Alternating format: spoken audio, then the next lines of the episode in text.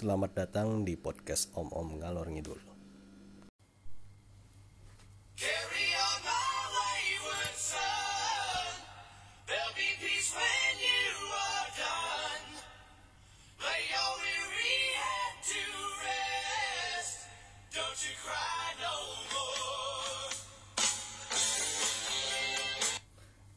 Lo inget gak? Itu soundtrack apa? Film cuma gue lupa film apaan tuh Supernatural. oh iya Salah satu film keren yang membuat kita jadi bodoh juga sih. Banyak hal-hal bodoh dan membuat, wih, buka pikiran kita ya. Iya, itu. Untuk dunia kayak dunia lain gitu sih. Hal-hal yang sebenarnya tuh kita antara percaya dan gak percaya gitu ya. Iya. Epis- episode kali ini gue bakal bahas tentang horor sih karena banyak request dari temen-temen gue yang untuk, wih bahas horor dong bahas horor. Gue sebenarnya bukan nggak mau bahas horor, gue pun jarang ngalamin, cuman gue nggak mau ikut-ikutan kayak podcast podcast lain. Mentang-mentang ada podcast ini terkenal gara-gara horor. Buset, lu lihat podcast podcast yang ada deh, 5 dari 10 mungkin horor. ah bodoh amat kalau kita kan temanya aja ngalor ngidul apa pun kita mau ngomongin Ya, omongin makanya aja gitu kan kebetulan kan emang ngalor ngidul kayak ngomongin jalan udah ngomongin tukang-tukang iya tukang-tukang udah juga Iya, makanya kali ini kita bakal bahas horor dan tentang supernatural ini.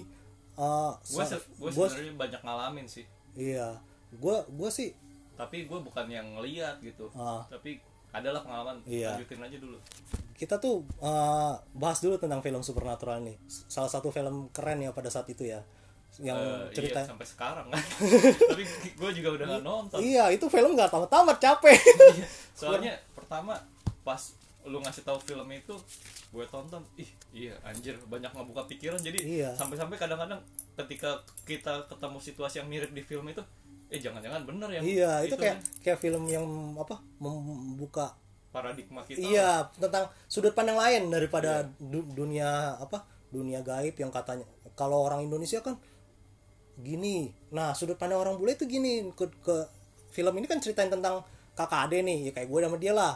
Jen- eh, si Jensen Ackles sama si- satu lagi siapa gue lupa lah. Yang pokoknya kakak ade ini tuh dari bokapnya ya, itu pemburu kayak pemburu iya hantu, bukan hantu ya. Pemburu. Roh atau ya pokoknya yang hal-hal gaib gitu. lah soalnya Iya.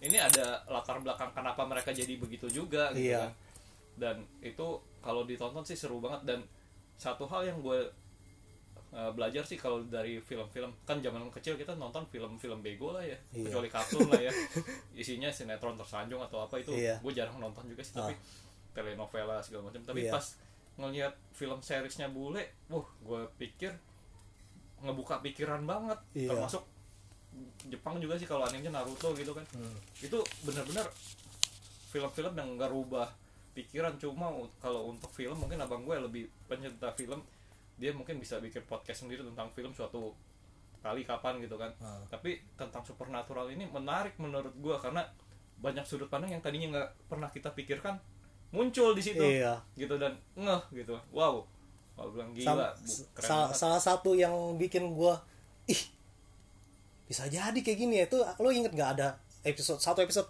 lu tebak deh yang mana yang malaikat kali ya malaikat di Ken- bumi kenapa? kali oh kalau itu sih mungkin aja teman cuman ya memang selama itu orang sudut pandangnya dari setan setan i- Nggak maksud iblis gue gini loh, yang waktu kalau gue ya, yang gue pikir, oh jangan-jangan ada beberapa malaikat aja yang bahkan dia nggak pernah ngeliat Tuhan gitu. iya benar benar di, Itu di Di satu yang terakhir sampai terakhir kita nonton sih belum ada nggak tahu yang sekarang ya karena kan sekarang udah season 15 pandang. Iya, gue Gue terakhir nonton 9 kayaknya. kayaknya gue sama 9 gitu 9 10 lah. sembilan ya dan yang yang buka gua eh bukan buka sih kayak bikin gua pertentangan di otak gua tuh yang ketika satu episode Crossroad kalau nggak salah. Oh iya, itu. Crossroad itu itu kayak bener-bener lu kalau nonton Itu- episode itu. lu kayak apa membanding-bandingkan dengan dunia nyata. Iya, bener. Gua apa juga- bener ya? Jadi ceritanya gini di episode Crossroad itu eh, ada orang pengen sesuatu. Ketika dia pengen sesuatu dia kayak ngasih bukan tumbal sih kayak ngasih sajen ya Bukan saja yang kayak kontrak kali ya. oh iya dia ada kontrak kontraknya itu tapi dia dalam bentuk sajen juga kan kalau nggak salah Eh, enggak, dikubur di perempatan jalan Iya, iya, iya. Enggak, itu buat manggilnya. oh itu iya kayak si buat sa- summon summonnya buat manggil si Crossley-nya. iya nah itu nanti ketika dia muncul Lu itu kayak negosiasi lo pengen apa sih di Iya. hidup lo misalkan gue pengen tenar kayak segala macam oke gue bisa tapi beli. pada saat itu dia tahu nggak konsekuensi yang terjadi tahu dia dia Oh. bakal tahu misalkan oke gue ke- bakal kasih lo ketenaran uang segala macam apa segala macam pokoknya di request Most- itu deh mostly sih minta ketenaran ya Iya. dan uang ya ketenaran dan uang kalau karena yang itu memang kayak itu. kayak ah, musuhnya manusia itu sebenarnya dari diri sendiri pengennya pengen kaya pengen uang Iya. Kalau masalah cewek dan lain-lain itu mah biasanya ke kesekian lah. Lah, tapi tapi, itu kan udah pasti ngikutin. Iya. begitu tenar begitu kaya Iya, benar. yang lain itu sih udah pasti nah ngikut. di episode itu dibahas ketika lu tenar konsekuensinya itu terjadi 10 tahun kemudian. Iya tergantung. Ta- tapi ada yang tergantung. Misalkan kebanyakan sih kalau di film itu 10-15 tahun. Ah. tapi misalkan orang-orang khusus misalkan kayak Dean atau si Ah. Sam itu kan ngejebak. Dia kan dia musuhnya si ah, ah benar. setan-setan ini kan. Ketika oh gue bisa ngejebak. Oke mungkin buat orang lain itu kalau nggak salah ada di salah satu episode gue cuma kasih 10 tahun tapi buat lo gue kasih 20 tahun gitu Oh, tergantung negosiasinya dia ya, berarti Iya. ya benar ya. Nah, itu kan ngebuka pikiran kita sampai pada saat itu gue langsung hitung untuk orang-orang tertentu yang ketika ini si A nih, wah, dia meninggalnya begini. Jadi mikir apa benar ada kayak beginian Iya. ya.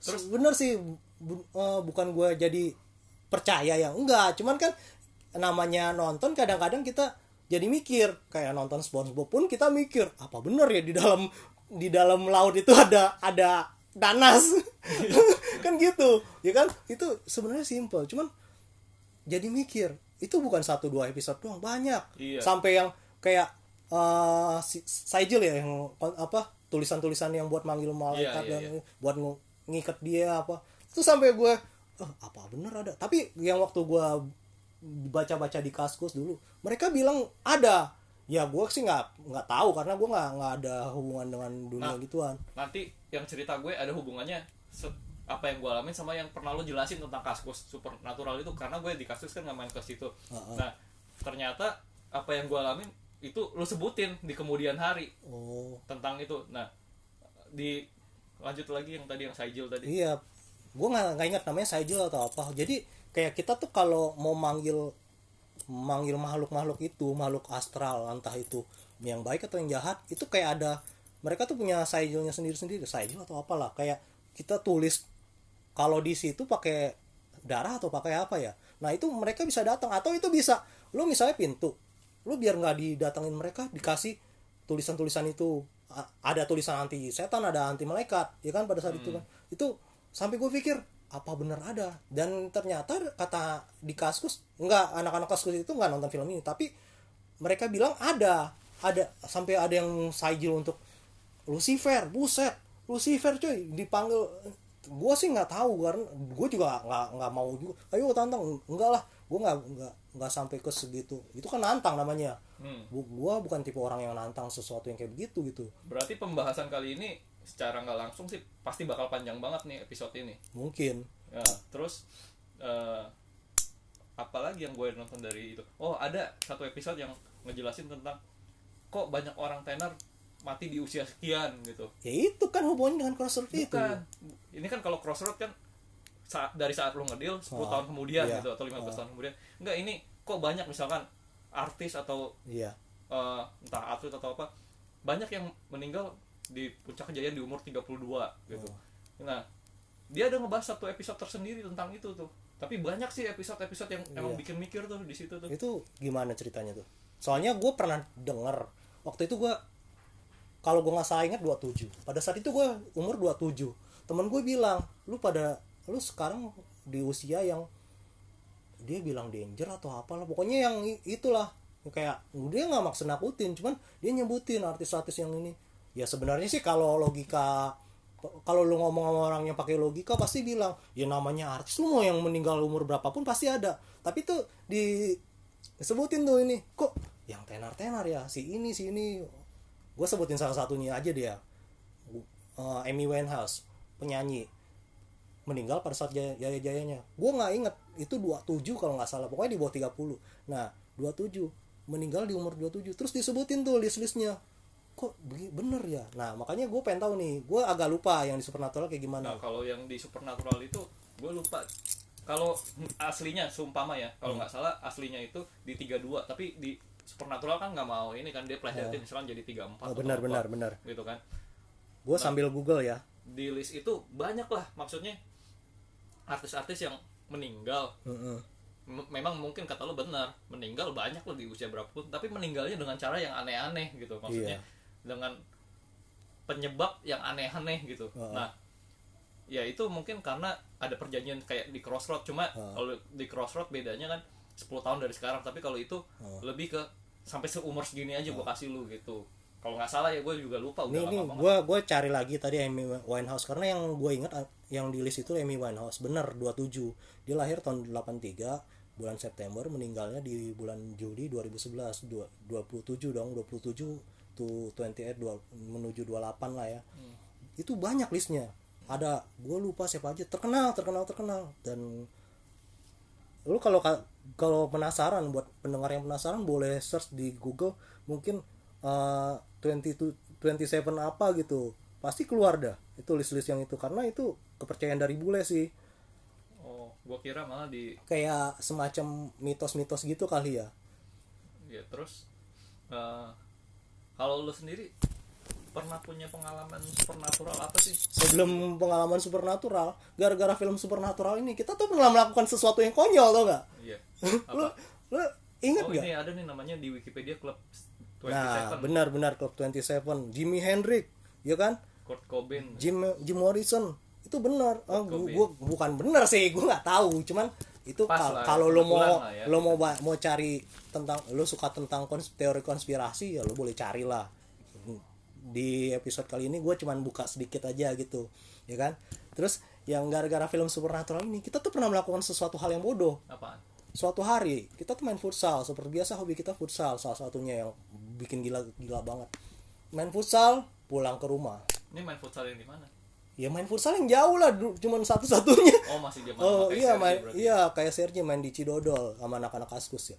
Pulang sore rumah terkunci. Gua ada sama adek gua nih gua telepon nyokap gua. Dibilang baru pergi sama adik-adik gua nggak tahu ke mana lah. Gua bilang pulang masih lama. Masih lama. Ya udah Ter- Oh. pagar terkunci Iya, pintu iya, terkunci. gua tahu tahu. akhirnya tahu nggak? Kita tuh manjat pagar. Pagar oke lah semua orang bisa manjat. Walaupun lu anggap aja pagar 3 meter pun lu manjat bisa. Iya karena nggak full kerangkeng. Iya kan? Manjat. Manjat pagar PR satu lagi dong pintu. Gara-gara kita sering nonton film supernatural kita dengan bodohnya ah gampang begini doang anjir. Masa din aja gampang cetak cetek cetak cetek masuk. Iya karena di film itu banyak apa iya. kan dia nyaru jadi sering nyaru jadi FBI CIA gitu kan. Iya. Atau detektif atau apalah pokoknya Ah. mereka sering bongkar pintu kadang-kadang bahkan sering harus bongkar pintu diem-diem kayak maling gitu. Benar. nah di situ pakai ya kayak mungkin alat apa segala macam. Iya. Itu gampang banget. Dan gue sebenarnya di dunia nyata gue pernah lihat asli lu emang tau? bisa itu lockpick itu gampang ah bukan gampang. Kalau lu ngerti gampang. Iya lu tau gak sih siapa? Siapa? Emaknya Andi. Beneran dia pakai apa kayak konde gitu ya jepitan konde. Iya. gitu doang anjir rumahnya kebuka itu padahal rum- kunci zaman dulu kan tebel-tebel iya kan benar-benar ya kan yang nggak gepeng gitu yang ada bulatan Bener, bolong gitu bener. nah itu anjir gimana caranya ya kan Iya, itu kan lihat. itu kan gampang kalau kita lihat di TV. Iya. Pada kenyataannya nggak segampang itu.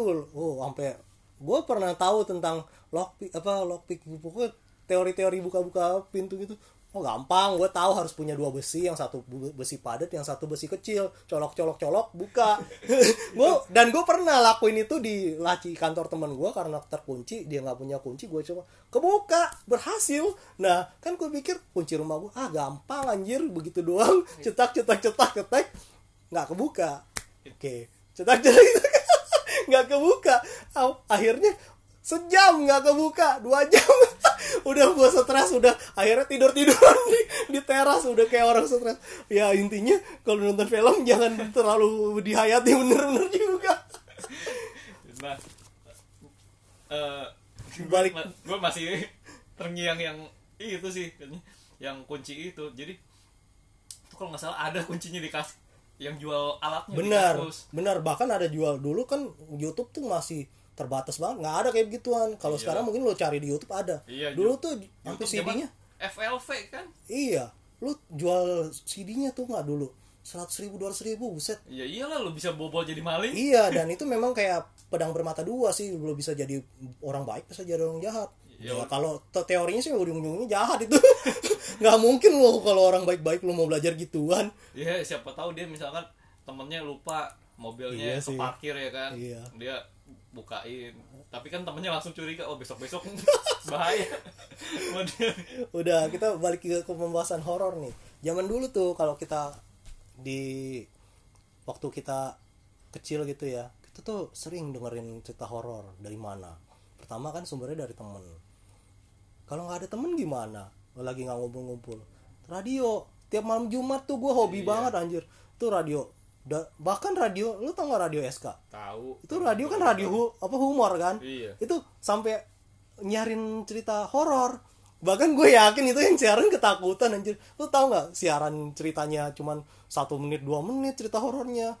Pantunnya bisa sampai lima menit. Gue masih inget sampai sekarang itu pantun. Sri Siti Surat Mina Dali Duli Dalina buset sampai ada itu 10 menit 20 menit. Ketakutan itu gue yakin makanya. Iyalah soalnya mungkin dia juga nggak bisa nolak kan? Iya, cerita-ceritanya tuh keren-keren. Banyak yang sebenarnya banyak cerita yang receh juga sih. Kayak kayak cerita horor receh tuh gue kadang kesel sih kalau orang gue tanya nih lu ada cerita horor gak oh ada di kampus gue yang cerita siapa? Temennya teman gue kan nges- ngeselin ya? itu gue gue sering dengar bahkan temennya teman gue sendiri nih dia bilang lu bukan bukan gue nggak bakal masukin di Iya. sini karena kadang-kadang ya kayak mama nih mama kan sering ngalamin banyak kita kan juga bingung yang ngalamin iya kita itu nyokap gue tuh gue sampai gue pikir halu apa enggak ya iya karena nyokap gue sering banget Iya, cerita. ntar, ntar ada di di episode ini juga gue bakal ceritain tentang nyokap gue. Nah, itu kan kayak gitu cerit paling yang paling sering kita denger apa kalau yang apa dari temennya temen. Biasanya tuh pasti di kampus. Yang cerita apa lu tau nggak? Nggak tahu Nggak tahu. Cerita tentang di perpustakaan. Pada suatu hari teman gue lagi di perpustakaan, lagi duduk malam-malam jam dua, eh udah malam, udah tinggal dua orang sepi. Ngapain lu masih di, di perpustakaan? Kecuali lu urgent banget gitu. Ya udah pulang lah anjir, Iya. ya kan? Terus tiba-tiba jatuhin pulpen. Jatuhin pulpen. Eh, enggak, jadi ceritanya dia ngobrol sama orang itu atau gimana lah. Dia jatuhin pulpen. Terus ketika jatuhin pulpen, dia lihat nggak ada kakinya. Terus, oh saya mau pulang dulu lah. Udah udah malam. Udah malam apa udah tahu? Ya kan itu yang Iya, iya, itu oh, sering tuh, itu semua sering. orang sampai ini kejadian di UI, ini kejadian di UGM. Buset, kalau Iya. itu setannya pindah-pindah ya. sama kayak itu apa Mister Gepeng Iya, itu urban legend yang nyebar gue mikir gue itu perasaan kemarin di sekolah gue deh itu ada di Ciputat ya. Terus dengan enaknya orang zaman dulu kan karena informasi belum ini, nggak dia terbang dia ini. Yang paling gue takut dulu apa tau gak lo? Setan kerudung anjir. Kalau udah malam, kalau ada yang ketok-ketok ke rumah lu, lu ini jangan dibukain. bapak bapak lu gimana? Ya, itu kan ih gimana ya? Kalau ketemu baca doa aja Bismillah. Pala lu gue bukan Islam. Bismillah Bismillah. Gue mau baca apa nih? Ke gereja juga jarang-jarang. Iya. Ini kita pokoknya bakal ceritain yang benar-benar kita percaya maks- maksudnya tingkat akurasi cerita ini Iya. benar-benar t- di atas 70-80 persen iya mungkin mungkin makanya ini kan sebenarnya kayak lihat-lihat itu kan gue ada beberapa yang lihat ntar gue ceritain. Tapi kan fix itu beneran yang dimaksud apa bukan? Itu gue sampai sekarang pun nggak bisa jelasin. Bisa aja itu orang lagi ngeprank zaman dulu Iya. kan nggak nggak tahu gue Iya. ngeprank itu gue juga tahu itu gue juga kadang-kadang kepikiran misalkan kayak orang cerita serem ya misalkan dia lagi eh, camping lah di Cibubur atau benar apa terus misalkan tentara ngelihat pocong gitu kan Iya. siapa tahu itu prank Iya, yang Iya lagi kan? jurit malam. Itu Iya. gue kepikiran, memang kan karena gue pernah ada cerita juga temen gue, ah, temen atau gimana, ah, pokoknya temennya temen. gitulah kan. Jadi dia lagi ngeprank, bukan ngeprank, jurit malam, lagi mau nakutin anak ini. Terus tiba-tiba ada warga lewat, kabur. Kan warga itu pasti ceritanya kan dia ngeliat setan, iya ya kan? Nah, yang kayak gitu sih, makanya gue bilang ini tingkat akurasinya tinggi karena dari gue sendiri atau benar-benar sumber yang bisa dipercaya lah untuk hal-hal uh, untuk cerita-cerita ini, ya kan? iya nah lu sendiri pertama ya bukan pertama mungkin cerita pertama yang lo inget cerita pertama. Apaan ketika tuh? cerita cerita kayak begini cerita pertama yang paling sering pasti di rumah. Be- benar benar. Tapi gini gua dari setiap rumah yang kita tempatin itu ada beberapa rumah yang apa kita kan pindah rumah sering ya kayak nomaden gitu kan. Sampai kita pertama itu di hutan panjang. Iya. Itu lama. Nah, sampai gue kelas 4 apa kelas 5 SD terus dari situ ke Bundaran Ah. itu hutan masih hutan panjang juga. Ah, itu lama juga sampai gue lulus SMA benar. Nah habis itu pindah ke Gang Bajing. Gang Bajing. Kan. Nggak lama itu cuma setahun dua tahun. Iya. terus pindah ke Harapan Mulia 2 Iya. ya ada dua tahunan atau tiga tahun. Iya. Baru pindah ke Bekasi. Benar. Nah habis itu kita tetap di sini kan. Ah. terus sampai kita merit masing-masing. Gue di 2016 gue pindah lagi. 2016 akhir gue pindah ke Kemayoran lagi. Nah itu berarti berapa kali pindah deh tuh. Iya. Nah di rumah-rumah itu mungkin ada pengalaman-pengalaman yang pernah terjadi. Tapi yang gue nggak pernah ya atau gue nggak inget sih yang di apa rumah pertama Kemayoran lah. Rumah pertama. Sebenarnya rumah pertama itu yang Hampir nggak ada. Dedemit itu kan? Iya hampir nggak ada cerita yang menyeramkan ya kalau kata orang. Tapi lu tau nggak? Babi ngepet ya? bukan. Babi ngepet gue nggak tahu lah itu. Gue pernah sih malam-malam ada kejadian orang katanya dikejar-kejar gitu gue nggak ngerti. Mungkin itulah tapi itu bukan itu ceritanya. Jadi suatu hari dulu sebelum kita tinggal di situ yang nempatin tuh gue lupa namanya. Pokoknya dipanggilnya Acong tapi dia bukan orang Cina bukan. Nggak tahu lah bapaknya Cina atau apa pokoknya dia orang Islam. Oh iya tahu tahu gue orangnya tahu yang agak gemuk ya. Iya, dia tuh tinggal di situ sekeluarga kan. Nah katanya suatu hari itu orang depan rumah, kalau gua nggak salah inget ya, kakaknya si Panca namanya Cedede, iya iya yang cewek Tahu. paling gede. Itu nyamper, nyamper siapanya si Acong, entah kakaknya entah siapa, gitu mau ngajak lari pagi. Ketika dia nyamper, ternyata diketok-ketok muncul putih-putih, kabur lah Gua- Iya, tapi gue kan nggak tahu itu nggak nggak fix karena Iya. kita itu terjadi eh di gue ceritain dari mama ketika udah keluar dari situ baru diceritain. Ya kalau diceritain pada saat itu pun mungkin kita takut karena pada saat itu gue masih sampai SMA gue masih yang kadang-kadang takut gitu. Sekarang sih bukannya nggak takut cuman lebih rasional lebih iya. lebih ya udahlah yang penting gue nggak ganggu. Ya jangan. Tadinya gue mikir di situ punya apa sedikit pengalaman tapi jadi gue ingat banyak malah. Terus di situ itu kan wah kita dikelilingin banyak pohon ya pohon asam pohon sawo sumur Iya. sumur yang benar-benar harus lu nimba gitu iya. Kan itu bahkan di dalam rumah pun ada sumur itu. Iya. Kita ada pompa ya. Iya. nah. Kalau yang tahu dulu pompa dragon yang buat dipatahin kalau pencak silat itu tuh. Kita pakai pompa begituan yang ngek ngek beneran. iya. Dan itu gue kan orang yang termasuk pengen berani gitu kan. Kadang-kadang lu berani imam tuh imam lagi tuh. Lu berani nggak kan kalau zaman metal Buat imam bener kalau kalau lu denger podcast ini, gue pengen ketemu sama lu. Bener, gue pengen tahu lu gedenya kayak gimana. gue pernah diajak ketemu waktu itu dia eh, jualan di Mangga Dua apa apa gitu Iya. kerja tapi gue sayang juga nggak ketemu nah misal imam tuh penyebabnya zaman dulu kan kita jam 9 udah harus pulang ya Benar. ya kan Habis main dunia dalam berita.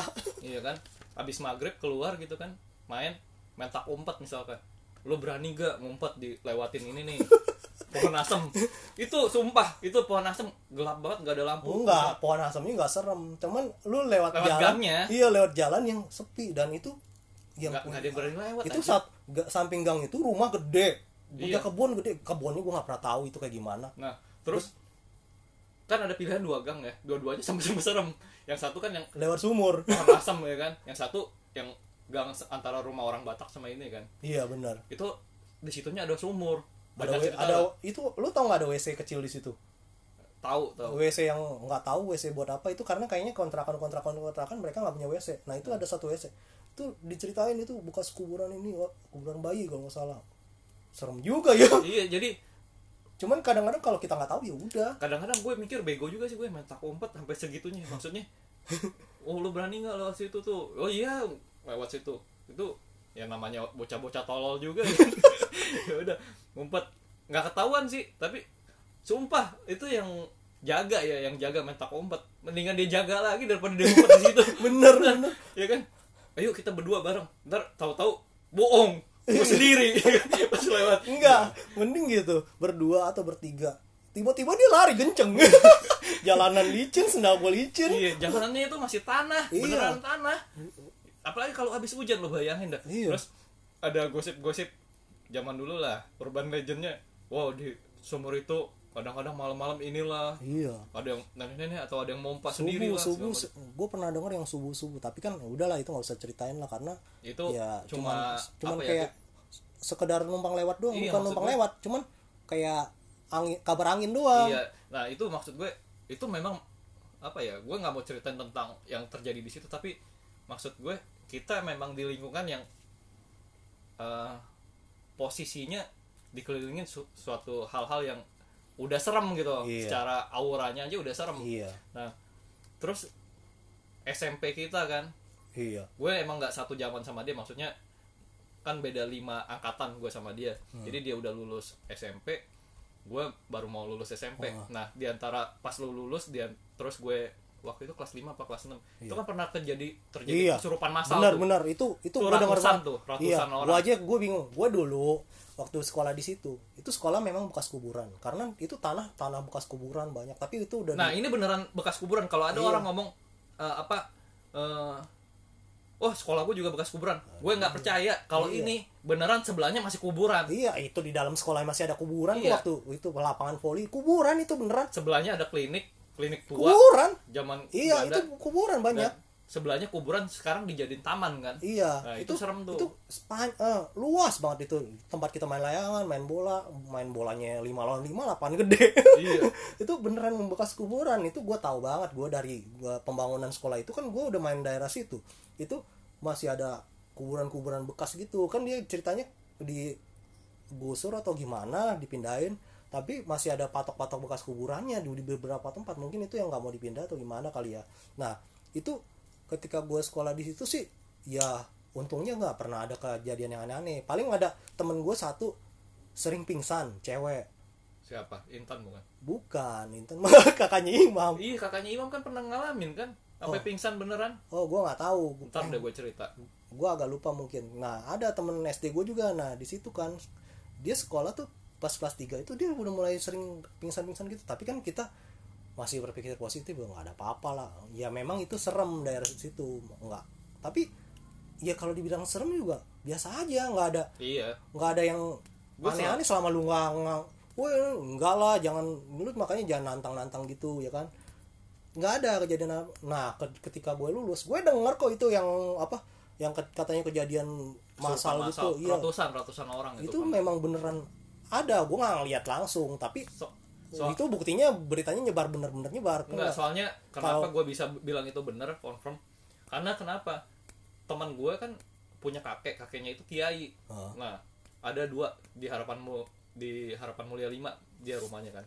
Nah, dia punya kakek, terus ada adik kelas gue juga punya kakek juga Ah. diminta bantuin untuk ngusir-ngusir itu semua maksudnya Oh. supaya bersih lah iya. Nah, itu itu memang confirm itu terjadi beneran. Ada cerita itu dan itu ratusan Ya, jadi kalau begitu sih untungnya pada saat gue sekolah situ sih aman-aman aja sih.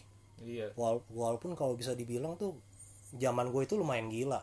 Yang namanya main judi yang namanya ngeganja beneran ngeganja di sekolah itu. Kan itu kalau sabtu minggu kan kos nggak eh Sab- sabtu masih sekolah minggu itu nggak sekolah. Banyak yang masuk ke situ Iya. manjat-manjat atau gimana ya ngeganja dan lain-lain nah yang gue dengar waktu gue masih SD tuh kakaknya Imam si Intan tuh Hmm. Intan katanya pas lagi ngaca di WC Oh. cewek ngeliat kuntilanak sampai dia ya pingsan itu tuh gue pernah dengar enggak dia nggak pingsan gue pernah dengar dari orangnya langsung kok tapi gue kan Ya, nggak itu- bisa fix, iya itu fix kita bilang ini cuma cerita ya karena memang Iya. nyangkut tentang sekolah itu aja Iya. tapi itu kita nggak tahu kebenarannya dan yang gue mau ceritain adalah yang benar-benar kita ngalamin. Heeh. eh sumpama lu ingat nggak waktu ini? Udah lah ya di rumah dulu mungkin udah case close semuanya Ah, udah kali ya. Iya. Waktu kita tinggal di bundaran lu ingat nggak? Dulu kan kita kamar di atas tuh. Iya. Sempet ada yang tinggal bareng kita kan si Mang Rono kan. Iya. Nggak lama karena kita waktu itu sempat bilang mau pindah dia juga kontrakannya habis kan udah kan Iya. keluar kan eh ternyata kita lanjut. Akhirnya sampai lama tuh. Itu kan kamar sebelah jadi kosong ya? Iya. Itu waktu itu sempet adanya mama si Kiu Amin kan tinggal bareng kita. Iya. Nah kalau setiap malam tuh ya kan suka bunyi langkah kaki tuh. Tuk tuk tuk tuk. Dan itu kencang banget. Dan itu berkali-kali gitu kan. Sampai lu yakin bukan tikus? bego tikus bunyi langkah kaki manusia. Tikus mah ruduk-ruduk gitu kan. Iya. Ini kan bunyi langkah kaki manusia sampai kadang-kadang lu ngomong berani gak lu buka? Ya gue berani tapi gue ngantuk gitu kan. Coba lu alasan gue gitu kan. lupa sih gue lupa. Lu suka bilang ah alasan. Coba lu aja lu aja gitu kan. Lu aja terus lu ajanya tuh berdebat 20 menit kali itu. Sampai bunyi lagi kan. Tapi nggak mungkin QQ Amin bolak-balik gitu kan. Maksudnya QQ itu om lah kalau Iya. di bahasa kita. adik dari mama. Terus suka bunyi korek kan. Gitu korek aja kita bisa kedengeran saking kalau malam itu kan bener-bener sunyi gitu kan. Iya. Kereta dari Senen itu kedengeran gitu kan. Bener ya kan? Terus dia bunyi nyalain korek aja kita denger korek gas gitu. Terus misalkan kita tiba-tiba buka tuh padahal di tengah proses orang jalan di tangga gitu. Iya. Berhenti suaranya. Nggak ada apa-apa gitu. Terus tutup lagi nggak lama begitu lagi. Terus sampai gue waktu itu inget tuh bunyi korek segala macem. Gue lo tidur apa enggak gue nggak inget deh gue buka. Kyo Amin lagi tidur. Kan gue bingung ya. Atau atau dia lagi di bawah. Gue bilang "Ih, ya udahlah itu. Itu salah satu cerita yang gue inget di situ gitu iya kan. kalau gue sih nggak kejadian di situ tapi persis. Kejadiannya di rumah yang sekarang gue lagi reka- rekaman ini nih. Iya. Buat yang di sini sorry ya bukan kita ng- ngomongin atau gimana cuman ini memang cuman sekedar sharing doang. Tuh gue dulu lu inget gak? Gue sempet nggak kerja lumayan lama lah setahun dua tahun gitu Iya. lah. Kan main main komputer sampai malam main komputer main CSO ya main CS online. Hmm. gue main malam jam 1 jam 2 tiba-tiba ya itu kayak gitu gedebak gedebuk gedebak gedebuk. Ketika ini gue sih untungnya ya kalau dibilang takut pasti ada rasa takut lah manusia lah. Cuman ya udahlah gue nggak ganggu jangan sama-sama tahu aja. Itu kejadian tuh lari-lari kalau dibilang tikus memang beda memang Iya, enggak beda enggak lah. nama namanya langkah itu kayak langkah anak kecil sih lari ya kan kayak gitulah Nah, di rumah yang bundaran itu, gue juga pernah ngalamin. kenapa Lu nggak tahu gue, lu inget apa enggak? Tapi harusnya mama pasti inget. oh. Itu gue kayak kesurupan. enggak gue nggak inget Bukan kayak, memang. Jadi ceritanya eh, anaknya Cece Apong tuh datang tuh ya, Heeh. sama pembantunya. Heeh. Gue nggak tahu sih ini memang karena ada pembantunya apa enggak ya. Terus gue temenin dia lah eh, jajan apa segala macam tuh seharian. Nggak tahu nih orang pakai ilmu atau apa ya terus tiba-tiba gue kalau ngeliat adik kita tuh si Vinta tuh jadi kayak sebel aja tuh oh sampai gue pengen tonjok apa gimana gitu terus abis itu gue sering nggak sadarin diri dah tiba-tiba gue inget gue ngeliat orang apa ya orang gila pertama tuh muncul dari masuk ke rumah kita terus itu itu. Terus orang gila itu cerita kayak dia kehilangan anak segala macam Ah. gitu, gitu. Tuh gue sampai nangis loh cer- dia cerita. Terus tiba-tiba gue nggak sadarin diri terus mama ngusir kan segala macam. Ah. nggak lama tuh ada orang kayak pen, apa kayak penginjilan gitu lah. Nggak Ah. tahu saksi Yahova atau iya. emang orang gereja terus itu ngomong segala macem masuk ke rumah ke mama tiba-tiba gue dengar segala macem tiba-tiba udah nggak sadarin diri terus hilang lagi. Sampai mama abis itu gue dibawa ke dukun. Ke dukun dukun Cina lah. Iya. Dukun Cina itu yang disunter di apa namanya jembatan hitam tuh. Iya. Ya itulah disuruh. Itu gue udah mulai agak sadar tuh. Jadi ada momen-momen kayak di supernatural kalau di supernatural nih nah ini relate lagi nih ah di supernatural kan ada tuh kadang-kadang orang kesurupan tiba-tiba dia yang lebih berkuasa Iya. tiba-tiba kayak blackout gitu kan Iya. dia benar-benar nggak tahu apa yang dia lakuin nah itu gue persis kayak gitu persis banget kayak gitu Iya. nah terus ada sa- satu momen di mana pertentangan bahwa kayak gue ribut kayaknya eh, enggak gue pengen take over gitu kan Ah. nah pas dibawa ke dukun Cina itu gue udah kayak yang gue take over gitu kan tapi gue tahu masih ada yang aneh gitu kan Ah. Gitu. nah habis itu itulah disuruh minum itu segala macam tapi itu salah satu momen yang menyebabkan perubahan gue total maksudnya dulu waktu gue kecil itu gue misalkan suka warna merah gitu ya Nah. suka ribut suka berani segala macam Hmm. setelah dibawa ke dukun itu gue jadi lebih tenang sukanya warna biru Hmm. segala macam itu benar-benar perubahan drastis di hidup gue jadi gue ya lu tau lah dukun Cina disuruh minum air air bekas bakaran kayak film vampir zaman dulu tuh Iya. film vampir zaman dulu dimasukin airnya pas lagi kebakar gitu kertasnya masukin ke air minum. Ya kan? Udah minum disembur lagi kan kampret. Itu kayak gue pernah adik gue yang satu lagi yang abangnya dia ini nih. Jadi nggak tahu sakit atau apa dibawa ke dukun ya disembur. Gue mau ketawa ya ketawa sih. Kalau namanya anak kecil nggak tahu lah. Pokoknya kalau orang dulu kan kalau ada sakit sedikit yang udah nggak bisa dibawa ke dokter ya dibawanya ke begitu. Lo inget nggak? Ya ngomong-ngomong beneran bener sih adik gue nih yang cewek adik gue yang cewek itu sama gue beda jauh umurnya. Sama dia aja mungkin beda lima tahun lebih ya. Tujuh tahun ya sama lo pokoknya dia lahir di bundaran. 8 tahun bedanya. I- eh nggak di bundaran lahirnya di yang rumah pertama. Terus ketika kita pindah dia masih kecil. Masih kecil dia di bawa eh di bundaran. Terus sering sakit-sakitan. Oh iya iya iya. Sampai Itu- ganti nama. Nah itu percaya nggak percaya? Sakit-sakitan kan kayak step. Orang pasti bilang step mungkin. Kalau secara penjelasan ilmiah step. Kayak step. Tiba-tiba kejang tiba-tiba apa. Itu sakit. Sering banget. Sampai pernah dat sampai semua warga kerubungin. Udah kayak apaan rumah gua? Bener dah. Itu sakit begitu. Sampai iya. sampai gue takut lah sih lu. Adik gue namanya kita sayang gitu sama adik kan. Iya kalau ngomong-ngomong kita bener-bener tuh yang adik kakak itu walaupun sering ribut sampai iya. kayak gimana tapi tetap kekeluarganya erat gitu. iya. Kita tuh takut kan. Tapi suatu hari gue nggak tahu nyokap gue tahu dari mana tuh dibilang nama anak lu keberatan atau apalah itu istilahnya. Tuh akhirnya nama Cinanya. Setiap kalau orang Cina keturunan eh, keturunan gitu kan keturunan Cina biasanya punya na- nama nama Indonesia nama nama Cina. Karena kita eh, budayanya juga masih lumayan kental ya walaupun nggak yang sampai gimana Tok-tok, gimana nggak sampai tok tok iya nggak totok ya. Tapi kita masih punya nama Cina. Nah nama Cina yang adik gue itu akhirnya diganti. Dan percaya atau nggak percaya setelah ganti nama itu nggak pernah yang kejadian kayak gitu lagi. Iya, benar. lu mau jelasin logis secara gimana berdebat sama gue boleh silakan kita berdebat. Tapi gue berani jamin ketika dia ganti nama itu udah nggak pernah kejadian. Iya, kalau bilang lu halusinasi ya gue udah gede gue tahu. Iyalah gue udah SMA waktu itu gue tahu kejadian kayak gimana. Iya. Dan itu kalau dijelasin secara logika nggak ada logikanya nggak ada. Iya terus eh apalagi ya waktu di bundaran itu? Lu pernah kejadian apa di bundaran nggak udah ada itu sih. kalau kalau di gang bajing dan gang di- bajing gue pernah. Kenapa?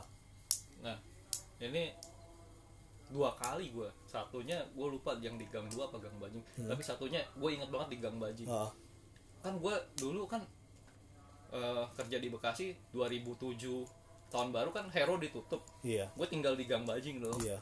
Jadi lu waktu itu masih kuliah gue eh, kerja iya. Di situ gue kerja terus kerjanya di PTC iya. Jadi gue jam buka toko kan jam 10 11 gitu. Jadi ah. kita masih malam tidur tuh sampai jam 2 main Iya. WE bangun udah bangun udah cuma numpang kerja doang terus Iya. pulang gitu lagi. Ah. Pokoknya balik udah malam gitu. Nah waktu itu kan gue libur cuma sebulan sekali doang. Pas gue lagi libur gue nggak tahu lemes banget tuh. Lagi naik tangga gitu ya. Gue jatuh lah. Bukan jatuh di tangganya pas kan kamarnya dempet tuh iya. gua ya. Ah di depan TV iya. Tiduran di situ. Ah ini gue terserah lu dah lu percaya apa enggak. Tapi Iya. ini pertama kalinya lu tahu. Iya. terus waktu itu gue nggak tahu yang namanya astral projection segala macam. Oh. roh gue keluar lah. Ya kan? Roh gue keluar terus gue ngeliat ya anjir gue mati nih. Ya kan? Serius gue beneran. Terus udah begitu ada kayak kalau di supernatural kayak reapers kali ya dua Iya. gitu nyamperin gue anjir gue mati apa gimana? Ya?" terus beneran itu beneran itu beneran. Terus abis itu gue ngeliat lo datang sama si Robi ah. ya kan? Bukannya nolongin ya bego ya? Nendang gue ngeliat lu nendang pakai kaki gitu. Ah. bangun lu ngapain lu tidur di sini bego? Gitu kan. Iya. bukan ini terus lu geser gue terus geser geser kagak dinaikin ke tempat tidur lagi. Gue teriak-teriak manggil lo kagak kagak dengar ya kan? Iya. terus gue bilang aduh bego banget ya kan terus abis itu gue ngalamin kayak kejadian supernatural kayak eh apa ya slide gitu selama perjalanan hidup gue gini gini gini. Terus kayak dibawa ke apa ya ke alam lain gitu kan. Iya. Nah di proses di alam lainnya itu serem tapi kayak di neraka tapi beda. Kalau gambaran neraka orang disikat segala macam ini gue cuma dikasih lihat dan tiba-tiba gue kayak dikasih apa ya dikasih suatu kondisi yang sepi. Iya. jadi gue di sono itu sampai nangis gara-gara kesepian. Nggak ada orang. Gue sampai ditinggal sama yang dua itu. Gue pernah dengar teori tentang astral projection ya karena gue pernah belajar ya kan? Lu tahu kan Iya. gue pernah belajar kayak ginian kan? Bukan bukan belajar untuk gimana? Karena ya emang itu ada penjelasan logisnya kan memang bisa. Karena gue kan waktu itu sering yang namanya lucid dream yang mimpi Iya, lucid dream, mimpi tahu. yang kita bisa ngontrol. Nah gue tuh penasaran ternyata ada ilmunya nah gue kan belajar pelajaran kayak gini astral projection. Katanya kan sebelum astral itu kan kita ada apa sih yang Trans. ka- iya kalau orang bilang itu ketindihan. Iya. Makanya kan ketindihan itu kan kita ngalamin kejadian yang kita takutin. Iya. Dan memang gue waktu itu ngalamin gue yang ketika gue belajar ya ternyata emang bisa dipelajarin ketika udah masuk si eh, gelombang itu nggak tau lah apalah namanya trans kalau nggak salah bener itu kita geter-geter kayak badan kita geter dan kita tuh menghadapi yang kita takutin mungkin ketakutan lo itu ya ke- akan kesepian Nah, terus waktu itu gue kesepian sampai gue ditinggal, sampai gue kayak di kerangkeng penjara. Terus gue ada satu yang muncul gue takut kan, Iya. itu iblis atau apa. Terus Ah. gue ditinggal. Terus gue diketawain sama yang reapers ini. Terus dia kayak nembus tembok, hilang gitu. Ah. Terus sampai gelap banget. Terus tiba-tiba gue ngeliat kayak itu kalau orang pernah main Dynasty Warrior ya, rumah kebakaran segala macam Iya. gitu. Terus gue satu kota isinya gue sendiri. Gue bilang, anjir, ini kenapa nih? Gue bilang gitu. kan. tapi lu pada saat itu lu sadar gak sadar, sangat sadar. kayak lu bisa kendaliin semua Nggak bisa kendaliin maksudnya tubuh lu tubuh gue iya terus tapi gue kayak diseret segala macam terus sampai pokoknya momen eh, ada satu momen bilang Tuhan bilang belum waktunya gitu kan Ah. gue disuruh milih lo mau sekarang tapi misalkan lo masuk surga atau enggak Ah. atau lo mau nanti balik lo masih bisa ngerubah misalkan sekeliling lo lo kasih tahu orang percaya segala macam gitu oke gue bilang enggak gue mendingan milih ini deh. Terus pas gue balik ceritanya udah balik ke rumah itu lagi kan. Iya. ada nenek-nenek. Roh nenek-nenek kata dia gitu. Lu udah nggak bakal bisa balik gitu kan. Gue serem tuh anjir nenek-neneknya serem juga. Terus katanya gue mau masuk ke tubuh lu kalau gue masuk lu mati selamanya. Iya. lu bakal jadi roh penasaran. Gue makin takut lah gue mau masukin. Nggak bisa itu gue nggak nggak bisa masuk. Jadi Iya. terus ya gue berdoa juga segala macam. Terus katanya kalau gue masuk ke yang serem nih kalau nenek-neneknya bilang kalau gue masuk ke tru- to- apa tubuh lo tubuh lo ini akan gue milikin tapi orang-orang di sekeliling lo nggak bakal tahu. Perlahan gue akan nggak kayak ngambil jiwanya gitu. Jangan Makan lu. sekarang nenek-nenek itu ya Bego. ngaku lu bangsa. jangan bego. Terus gue serem kan. Akhirnya gue ribut lah sama nenek-nenek itu ya kan. Terus gue masuk gitu. Ngejajarin posisinya gimana sih gitu. Iya, orang lagi tidur iya. gitu. Nggak bisa. Dan akhirnya tiba-tiba gue berdoa orang segala macam. Masuk. Terus gue langsung turun ke bawah tuh walaupun lemes ya. Gue nanya mak tadi Ipan sama Robi ke sini nggak? Iya. Naik ke atas nggak? Iya. Pakai bajunya warna ini segala macam nggak? Iya. Itu gue anjir beneran berarti yang gue lihat. Si bego ini kenapa nggak bangunin gue ya? Itu yang gue wih gila ternyata beneran. Itu kayak yang film itu sih gue lupa apa yang Insidious. Insidious itu kayak gitu ya Sem- makanya gue kadang-kadang ketika ada film itu jadi gue takut kalau mau lakuin itu. Gue sebenarnya bisa untuk sampai tahap tahap gue pada saat itu gue pernah coba yang sampai udah kejang-kejang gue udah menghadapi yang gue takutin udah mau lewat udah gue udah mau terbang Nah. tapi kok gue takut nggak bisa balik gue nggak mau lakuin Nah, sejak saat itu lo tau nggak? Kalau lo mau tahu ya, setengah tahun setelahnya, gue takut tidur. Beneran, gue takut tidur. Sampai gue takut mimpi karena gue iya karena orang-orang kayak gitu dua, biasa gitu dua kali setelah itu gue pernah mimpi yang pas bangun udah apa kayak nangis gitu. Ah. Nah, itu gue takut tidur waktu itu. Sampai ya pokoknya tidur sesuatu hal yang menyeramkan bagi gue. Nah, terus ngomongin Insidious, lu pernah nggak kejadian kayak lu ketindihan ya kan? Mata lu nggak bisa melek tapi lu sadar si ini ngomong si ini ngomong gitu kan? Lu pengen manggil kayak nggak bisa tuh berat banget kalau ya. nggak nggak ma- nggak bisa manggil iya ya kan?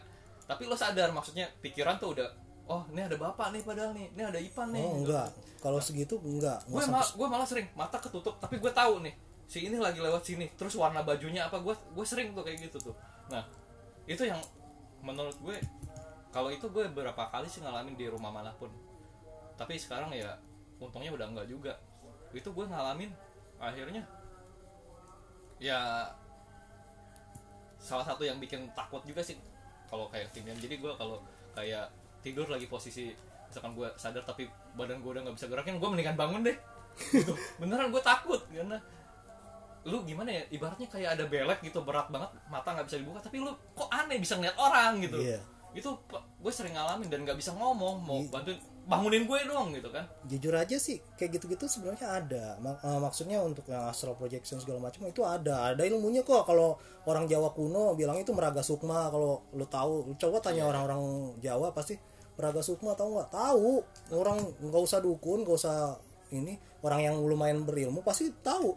Meraga sukma keluar dari tubuh lu untuk ya ada orang-orang yang benar-benar untuk rekreasi gitu. Untuk nih Iya, iya. gua gua tahu ada orang yang ke- dia misalnya pengen banget belajar. Saking dia pengen bela- belajar dia tuh dia meraga sukma kan tubuh aslinya dia tidur.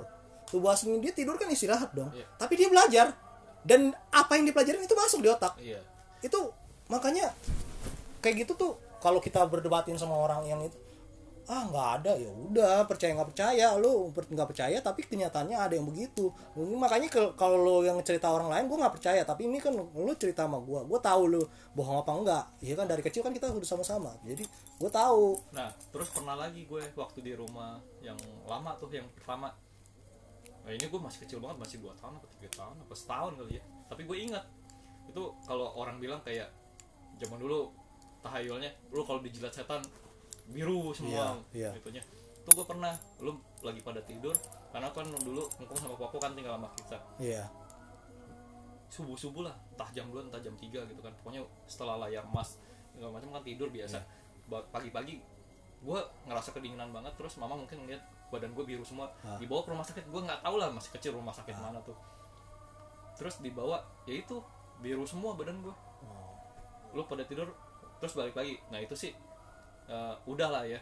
Terus habis itu eh, apa ya yang gue tadi mau cerita lagi ya?